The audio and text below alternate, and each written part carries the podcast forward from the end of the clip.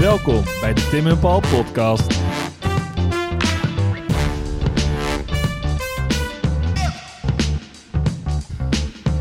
Oké Paul, Tim. het is een beetje een change of scenery vandaag hè? Ja, Het is ochtend. ja. Normaal zitten we hier met een biertje in de hand. vrijdagavond, zaterdagavond. Maar eh, Nu met een kopje thee. een kopje thee, heerlijk. Ja, ik moet je wel vertellen, ik heb eh, een gigantisch ochtendhumeur altijd. Het is eh, vandaag ook. Nou, En ik heb hooikoorts. Dus als ik begin te niezen, dan eh, wil je zeggen geen dat jij- corona? eh, nee, je hoeft je geen zorgen te maken voor je gezondheid. Maar ik ben er gewoon bokkenzaggerijnig door. Dus dat gaan we horen vandaag in de, in de tapes. vet.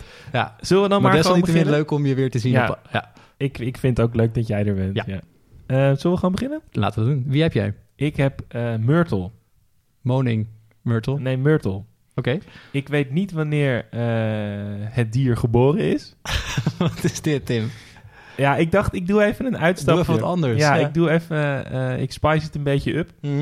Eh, ik weet wel wanneer het beest overleden is. Vertel me alles. Dat is op 19 september 1944. 19 september 1944. Heeft dat weer iets te maken? Ja, het is echt een soort van eindeloze put van anekdotes, die Slag om Arnhem. Ja. Het is Slag om Arnhem inderdaad. Ik wil het met jou gaan hebben over eh, kip, Myrtle. Het was Ja. een, een kippetje. En die is inderdaad gesneuveld tijdens de Slag om Arnhem. Oké. Ehm, het zit namelijk zo. Eh, we gaan weer even terug naar, naar dat moment voor de slag om Arnhem. Ja. Ehm, dan zitten al die officieren en mensen in Engeland zich stierlijk te vervelen. En één daarvan was Pat Glover. En Pat Glover was luitenant van het 10e bataljon. Zat in het, stafsho- het stafhoofdkwartier. En ehm, had eigenlijk ook vrij weinig te doen in aanloop naar de slag om Arnhem. Iedereen Ja, zat gewoon een beetje te wachten. ja, dat ding. Hij verveelde zich heel erg en hij ging dan wel eens met zijn punt 22 eh, jachtgeweer erop uit. Ja, In de, As in- one does. Precies. Ja.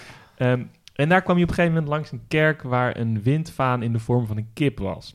Dus hij, echt, hè, zoals je doet, eh, begint daar een beetje op te schieten van Ja. een afstandje, kijken of hij hem kan raken. En trots vertelt hij dit verhaal vervolgens die avond in de officiersmes van het 10e bataljon. Van jongens, En- ik heb die windvaan eraf geschoten. Ja, vet. En eh, er zitten een paar gaten in. Heel cool. Ja, Ja. echt heel vet. Nou, vervolgens reageren die andere officieren een beetje zoals wij. Van ja, dit is op zich niet heel vet, Pet. Sukkel. Ja. Dit, dit lukt Openbaar eigendom van. je precies. En met een veredelde luchtbuk zo hoog schieten, dat kan ook waarschijnlijk helemaal niet. Nee. Pet, je lult. Ja. Vervolgens verzandde die discussie in de vraag eh, of kippen konden vliegen. En zat Pet eh, ja, te verdedigen dat kippen konden vliegen. Vliegen, ja. Nou, dus vervolgens, empirisch als hij was, moest hij daar bewijs voor gaan leveren. Dus tijdens een volgende training eh, jatte hij een kip bij een nabij, nabijgelegen boerderij. En die doopte die Myrtle. De oorlog kent vele slachtoffers. eh, Precies. Ja. Dus hij, hij gewapend met Myrtle ehm, ging hij, ging hij eh, verder trainen, die, eh, die oefensprongen doen. En iedere keer eh, als ze dan dicht bij de grond kwamen, liet hij Myrtle los. En hevig fladderend viel die kip dan naar beneden. En hij, hij deed dat steeds hoger, waardoor Ja. die kip dus op een gegeven moment van, vanaf een aantal, ja, ik denk iets van 100 meter naar beneden fladderde. ja. Eh, nou, die kip werd een soort van mascotte van die club. eh, en hij zat ook trots op het kantoor van die Maar officier. het moet toch doodeng zijn geweest voor dat beest? Ja, dat denk ik ook. Eh, maar het is ook heel gek, want, want iedereen in de Slag om Arnhem zien kent dit verhaal. Het is echt een soort van leuke anekdote, wat heel erg zielig is voor dat beestje Ja. inderdaad. Nou, ehm, dat beestje dat, dat rond een soort van makeshift eh parachute training af en krijgt dan officieel zijn parachute jump wings. Zoals gewoon, Zo lekker Engels. Ja, Dat precies. Ja. zoals gewoon getrainde eh, parachutisten ook hebben. rode maroon... eh, ja, nog net niet, maar Ja. hij, hij kreeg wel van die wings, weet je wel? Van die, van die eh, zo'n, Zit in het zo'n embleempie. Chicken wings? Sorry. Ja, nee, maar dus stel je even voor, ehm, die kip die werd een soort van graag geziene gast bij het tiende bataljon. En Pat Glover was kwartiermeester. Dus die zat in, in, in, het, in, in het hoofdkwartier van de staf. En die was vooral bezig om te zorgen dat de club eten had, dat hij eh, plek had om te slapen, dat soort dingen. Dus had een kantoortje, zat daar te typen. En die kip zat gewoon op, op zijn stok in een kooitje daar altijd naast hem. Totdat ze naar de slag om Arnhem moesten. Toen, moest, toen ging die kip ook mee. Nee, ja. Nou, eh Pat had ook een Batman, zoals we al eerder hebben besproken. Iemand die... Even kort nog, ja, een Batman. Ja, dat is een, een oppasser, laten we het zo zeggen. Ja. Zijn oppasser heette Joe. En ehm, nou, ze zitten in dat vliegtuig. Pat heeft die kip bij zich in een tasje. Joe zit naast hem. En, ze, Pat vraagt op een gegeven moment van... Joe, hebben we eigenlijk wel genoeg eten voor Myrtle? dus die werd en zegt... Ja, ja, nee, ik kon niks vinden. De, eh, de, mais, ja, de mais was op. Dus ik heb maar een handje, handje cornflakes in in mijn tas gedaan. Nou, oké, so far so good. Ze komen aan op de 18e, die tweede lift. En op dat moment, als ik al eerst, ja, zoals ik al eerder vertelde, werd daar toen heel hard gevochten. Ja. Dus het vliegtuig komt aan en Pat moest als eerste springen uit zijn vliegtuig. En die springt eigenlijk een soort van chaos van schieten en rook en bommen in. Dus toen besloot hij om die kip niet eh, zelf te laten springen. Dus in de tas heeft hij hem. Hij valt er nog half op volgens Ja. mij. Nou, oké, so far so good. Ze Myrtle is nog oké. ze zijn geland, Ja. Myrtle is oké. dus hij geeft die kip geeft hij aan Joe mee. Zo van, Joe, let jij op die kip. Jij bent mijn oppasser, maar ook van de kip. Ik zie je later. Ja. Ehm, ze gaan op weg. Ehm, we- ik heb ook al eerder verteld dat die tweede lift van, die, van de slag om Arnhem... eigenlijk meteen in de moeilijkheden komt. Ja, En eh, het interessante is dus dat dat stafshoofdkwartier... gasten die eigenlijk dus zitten te typen in een kantoortje... Sta, staan ook gewoon te vechten. Dus op een gegeven moment zitten zij, eh Pat en zijn Batman en die kip... worden gewoon beschoten, ge- gekkigheid... En, en vinden zichzelf in een soort van loopgraaf. ja. Eindelijk een rustig momentje. Dat is dan alweer de volgende dag. En dan eh, denkt Pat, hoe zou het eigenlijk met Myrtle gaan? ja die arme Myrtle. Ja. Die heb ik ook al een dag niet gezien. Dus hij, hij vraagt aan Joe van... Goh, eh, waar is die kip eigenlijk? En toen had Joe hem dus... Omdat ze haastig in die, in die eh, loopgraaf hadden moeten springen... aan de achterkant, boven op de loopgraaf... had hij die tas neergelegd. Dus zij kijken... en toen was Myrtle gesneuveld. Toen is Myrtle is, is omgekomen. Ah. En vervolgens hebben ze dat, dat arme kippetje... nog een soort van officiële... of officiële, maar een soort formele begrafenis... Die ligt bij. Hartenstein. Ja, die ligt daar dus ook gewoon ergens... is die Een begraven. heel klein graf. Ja, en het sick is dat ze dus eh, die jump wings, die ze dus ook bij zich hadden van die kip, die Mhm. hebben ze sy- symbolisch met de kip eh, begraven. En eh, de Batman die zei nog zo van, ehm, die eh, sprak nog, nog, nog soort van, een soort van eh, ja, reden uit toen eh, de be, begrafenisplechtigheid voltrokken werd. En toen schijnt hij gezegd te hebben, she's dead sir, but she was game to the last. dat is wel ook heel Brits. En het vette is dus nu weer dat dat, dat Myrtle-verhaal best wel bekend is. Het Regimentsmuseum in Engeland heeft daar ook, ook, ook een boekje over uitgegeven. Ja. Best wel cute.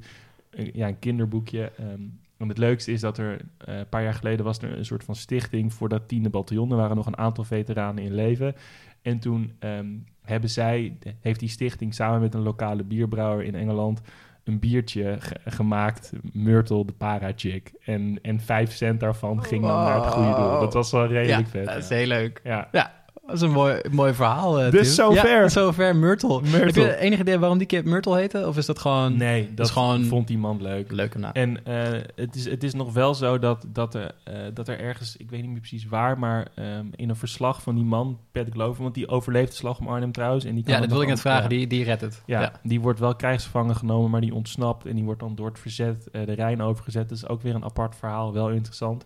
Ehm, ehm, hij overleeft het. Wat wilde ik nou gaan zeggen? Ik wilde nog iets zeggen over... eh, De naam van die kip. Ja, dat ze niet wisten... Hij wist niet of het nou een man of een vrouw was. Dat van- schijnt heel moeilijk te zijn. Ja. Als, als kuikjes, hè, als op een gegeven moment ze volgroeid zijn, dan zie je het wel. Ja, maar maar dus- als kuikje weet je het niet. Nee, precies. Dus hij wist ook niet of het een mannetje is of een vrouwtje is. Kan iedereen die dit Ja. nu luistert en zich afvraagt hoe dat nou werkt met kippen en hoe je het geslacht kan bepalen, ik kan je aanraden om naar het Pluimveemuseum in Barneveld te gaan. Ja, daar mag je ook met, eh, met, met eh, ja, eh, knuffelen, met kuikentjes, Ja. toch? Kuikentjes ja. Nu, trouwens niet. Ik kan nu niet heen. Hè? Nee, corona. Maar eh, als het weer open is, ga met z'n allen heen om meer te weten over deze prachtige beesten. die dus wel of niet kunnen vliegen. Ja. Ja. Ja. Alright, top, dankjewel. Ehm ik ga het hebben over iemand die ook op grote hoogte is, is geweest. En hopelijk niet vliegt of naar beneden fladdert. Want ik ga het hebben over Alexander Honnold. En ik weet niet of je dat wat Nee. zegt. Dat is een man die nog steeds leeft. Hij is ook nog niet zo heel oud. Hij is geloof ik... Hij is iets ouder dan wij zijn. Ik denk een jaartje of 4, 35.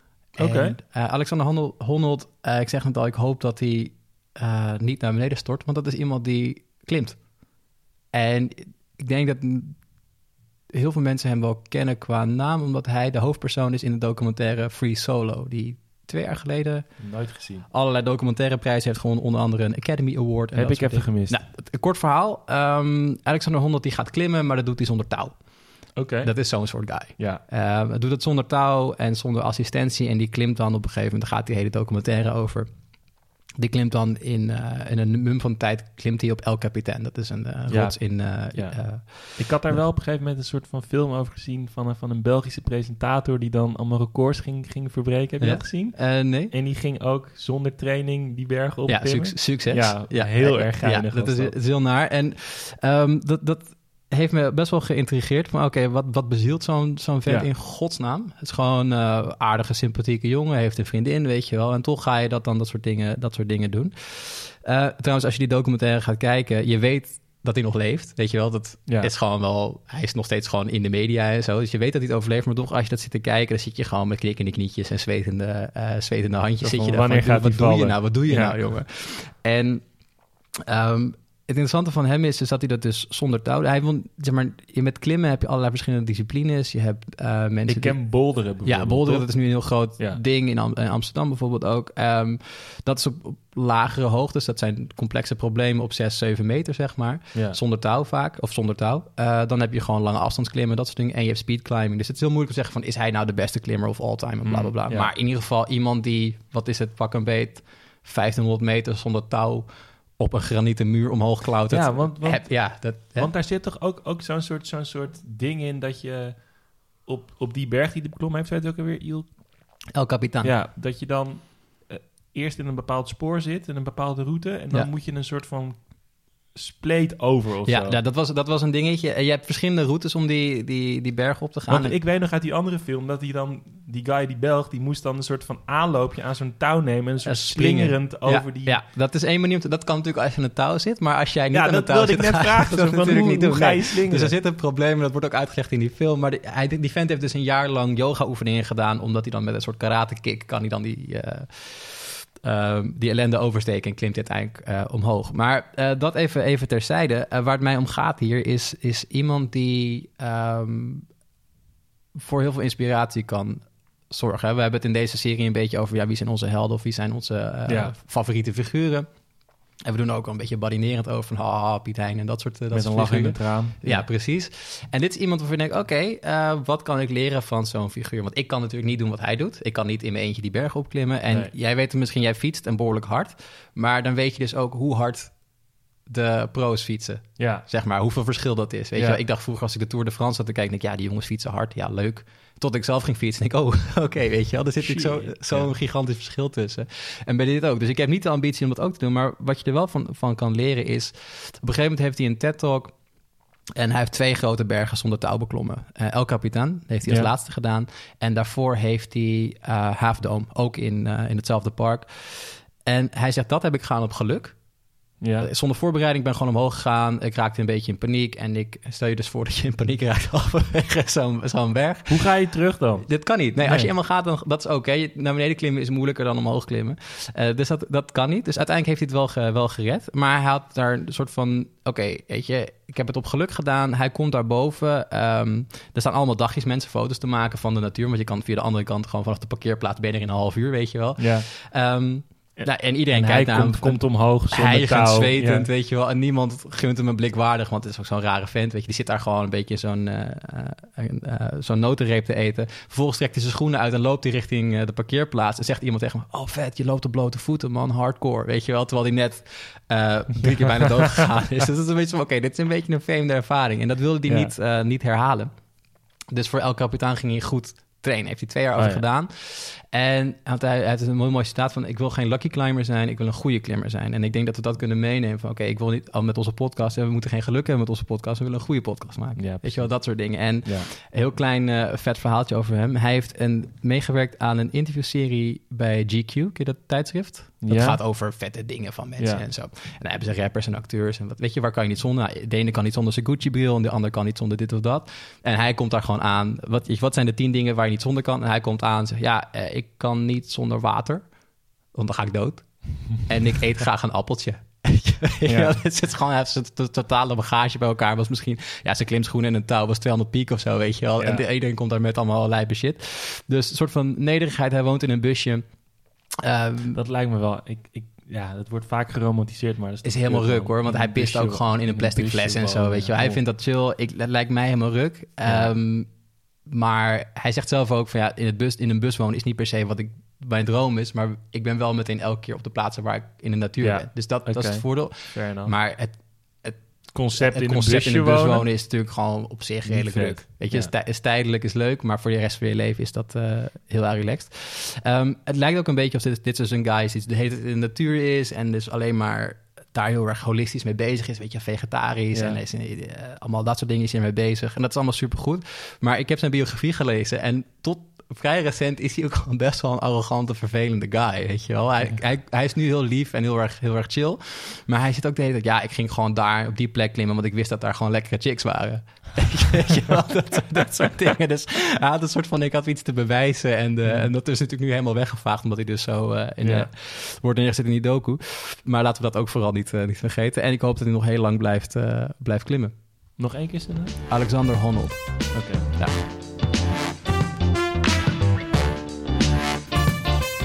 Vond jij dit nou een interessant verhaal en wil je meer over geschiedenis weten?